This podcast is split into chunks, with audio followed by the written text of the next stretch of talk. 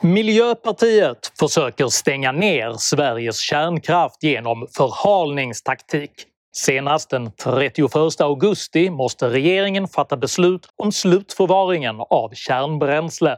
Annars måste Sveriges återstående kärnkraft släckas ner inom tre års tid.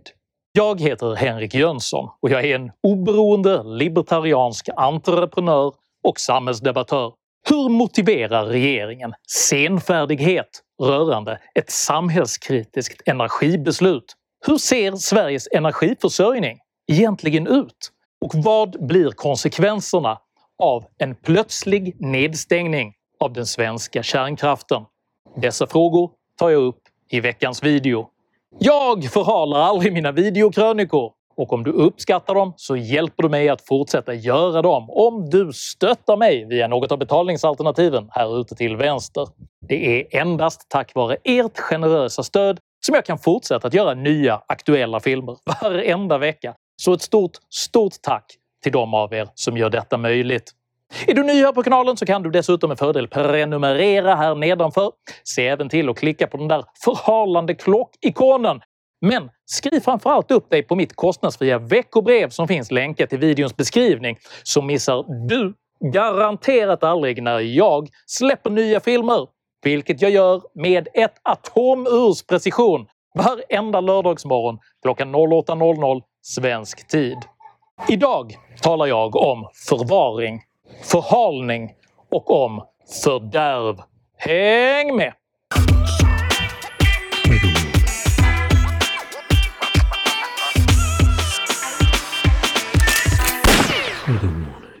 Filmen Mr Smith i Washington från 1939 gestaltar en mycket dramatisk filibuster Filibuster är en retorisk taktik som innebär att en folkvald politiker talar så länge att det förhindrar fattandet av ett oönskat beslut.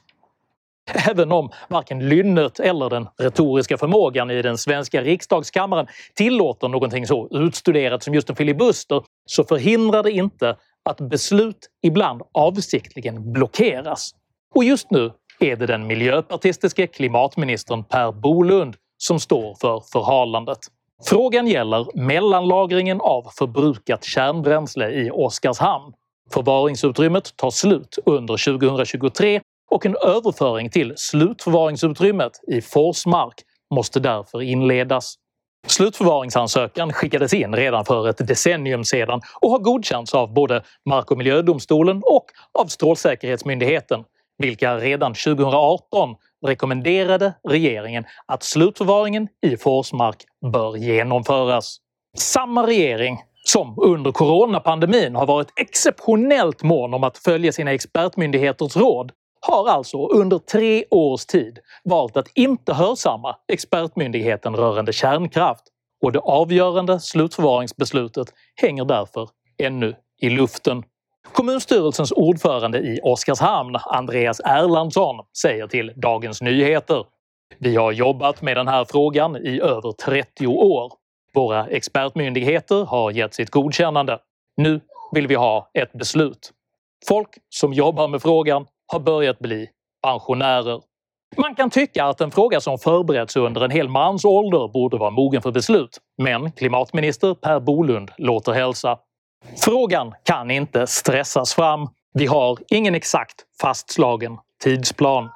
Men en fast tidsplan är precis vad som finns. För om fortsatt kärnkraftsenergi ska säkras måste ett beslut om slutförvaringen fattas senast den 31 augusti i år så att Mark och miljödomstolens tillståndsprövning för slutförvaringen hinns med innan mellanlagret blir överfullt. Om inget beslut har tagits innan dess måste överproduktionen av förbrukat kärnbränsle förhindras genom att stänga ner kärnkraften.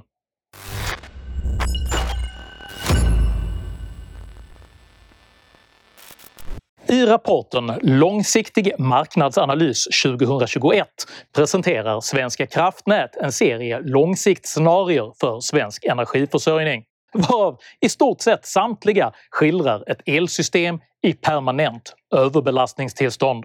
Scenarierna skildrar ett Sverige där husägare och företag skaffar sig privat elförsörjning för de tillfällen då det nationella elnätet inte kan leverera, när elen är för dyr eller när frekvensstabiliteten är så oregelbunden att den riskerar att förstöra ansluten utrustning.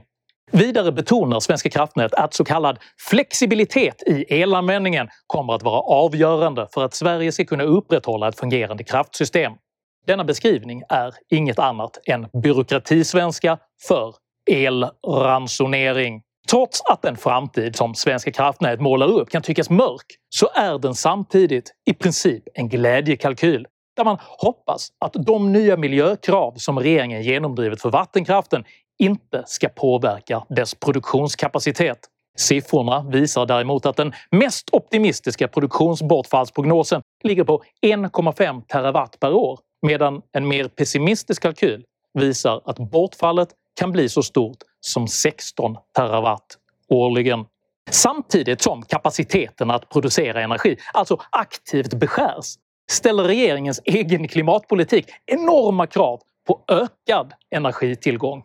Klimatsatsningarna på fossilfri stål och järnproduktion kommer ensamma att kräva runt cirka 80 nya terawatt årligen och detta samtidigt som kollektivtrafiken ska elektrifieras.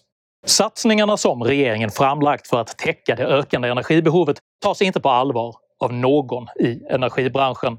För den aviserade fyrdubblingen av antalet vindkraftverk till 2040 kommer knappt ens att täcka Norrbottens två nya fossilfria industriprojekt. Att krävas mycket el när inte bara stålföretaget SSAB och hybridprojektet där utan också företaget H2 Green Steel planerar fossilfri produktion av stål i Norrbotten. Och det innebär att el måste produceras i söder. När vi nu ökar användningen i norr så betyder det att vi också måste öka elproduktionen i södra Sverige. Man bör möjliggöra för att ha kvar den befintliga kärnkraften. Miljöpartiet har dessutom utökat naturskyddsområden på Gotland så att Sverige inte längre kommer att kunna producera cement efter den 31 oktober. Detta är en prekär situation eftersom det krävs minst 550 kubikmeter betong för att bygga ett enda vindkraftverk. Denna typ av ekonomiska realiteter bekommer dock inte Miljöpartiet som istället låter hälsa att de är säkra på att människan kan utveckla ett sätt att bygga utan cement. Hur går allt detta ihop? Det enkla svaret är det gör det inte. För oavsett hur lite Miljöpartiet bryr sig om den fysiska verklighetens förutsättningar kan man inte sabotera cementmarknaden och samtidigt satsa på storskaliga nya byggnadsprojekt. Oavsett vad Miljöpartiet önskar så kan man inte krympa Sveriges planerbara energiproduktion och samtidigt satsa på storskaliga nya industri och tillverkningsprocesser. Och oavsett vad Miljöpartiet intalar sig kan man absolut inte stänga ner stora delar av rikets energiförsörjning och samtidigt kräva att hela samhället ska elektrifieras. Att påstå att denna politik ens är möjlig är inte ens populism. Det är ren lögn.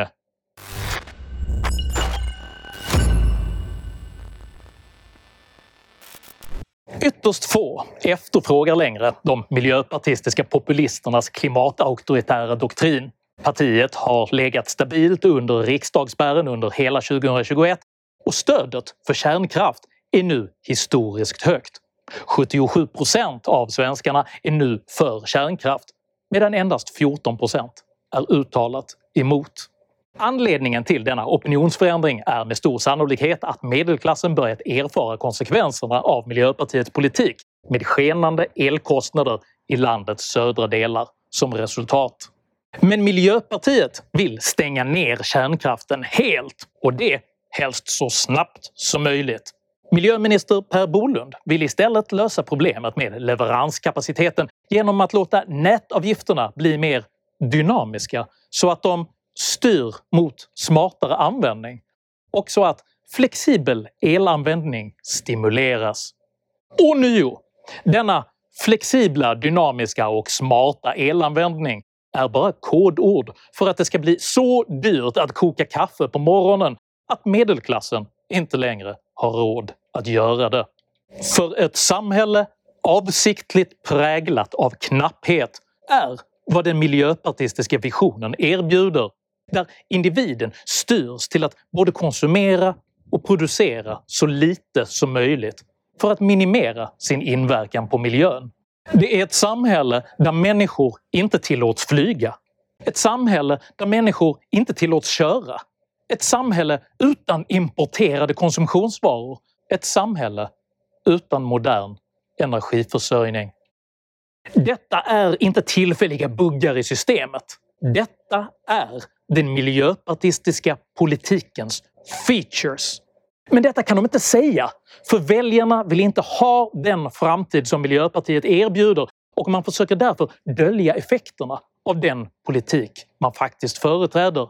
Man låtsas att kärnkraften är olönsam och därför mer eller mindre vill avveckla sig själv trots att det är decennier av forskningsförbud, straffskatter och regulativa bestraffningar utan bäring på den svenska reaktortypen som avsiktligen och uppsåtligen gjort kärnkraften olönsam.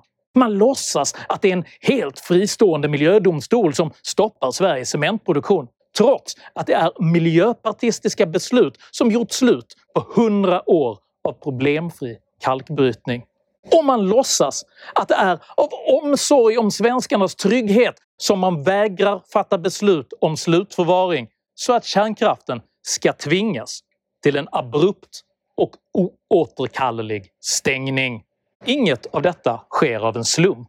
Alla dessa katastrofer är avsiktlig miljöpartistisk politik.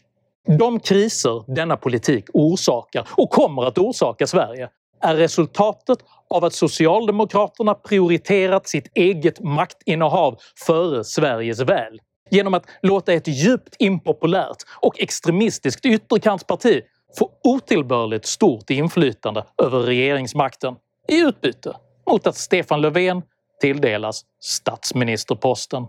Jag är på inget sätt mot klimatarbete, effektivare resursutnyttjande eller hållbarhetstänkande.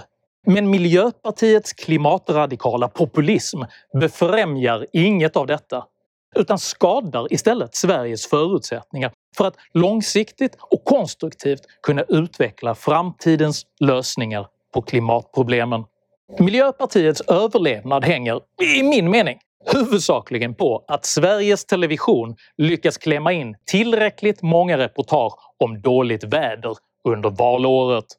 För det räcker att det är för varmt, för kallt, för vått eller för torrt någonstans på planeten för att detta ska kunna ramas in som en existentiell kris som endast Miljöpartiet är skickat att hantera. Acceptera inte denna verklighetsbeskrivning. För Miljöpartiets politik försvagar Sveriges möjligheter att fatta rationella klimatbeslut. Fråga dig istället, för varje inslag om dåligt väder och klimatförändringar, hur många inslag har du sett om konsekvenserna av Miljöpartiets verkliga politik? Om de miljöpartistiska besluten bakom cementkrisen? Om de miljöpartistiska besluten som gjort kärnkraften olönsam? Och om de miljöpartistiska besluten som nu inte fattas i ett försök att tvinga kärnkraften att stänga ner i förtid med katastrofala konsekvenser. Jag misstänker att denna relativa tystnad beror på en medveten eller omedveten journalistisk ovilja att komplicera berättelsen om klimatkrisen på samma sätt som det journalistiska etablissemanget under hela 2010-talet var ovilligt att komplicera berättelsen om migrationen. Acceptera det inte, för det finns inga enkla lösningar på komplexa problem och Miljöpartiets aningslösa klimatpopulism utgör nu ett direkt hot mot det moderna, fria samhället. Tycker du det är viktigt att politiska partier är öppna med konsekvenserna av sin egen politik snarare än att försöka dölja dessa på ideologiskt egenmäktig grund? I så fall tycker jag att du ska dela den här videon med dina vänner. Och varför inte prenumerera på min Youtube-kanal när du ändå är i farten? Har du egna erfarenheter av hur konsekvenserna av Miljöpartiets politik på olika sätt döljs? Dela i så fall gärna med dig av dina erfarenheter i kommentarsfältet här nedanför För jag samlar nämligen på denna typ av information och uppskattar all respektfull kommunikation. Tänk dock på att alltid vara artig. Jag tolererar inte aggression, personpåhopp eller rasism i mina idédrivna kommentarsfält. Tack för att du som kommenterar respekterar detta. Jag heter Henrik Jönsson och jag betraktar Miljöpartiet som det enskilt största hotet mot Sveriges framtid just nu. Tack för mig och tack för att ni har lyssnat.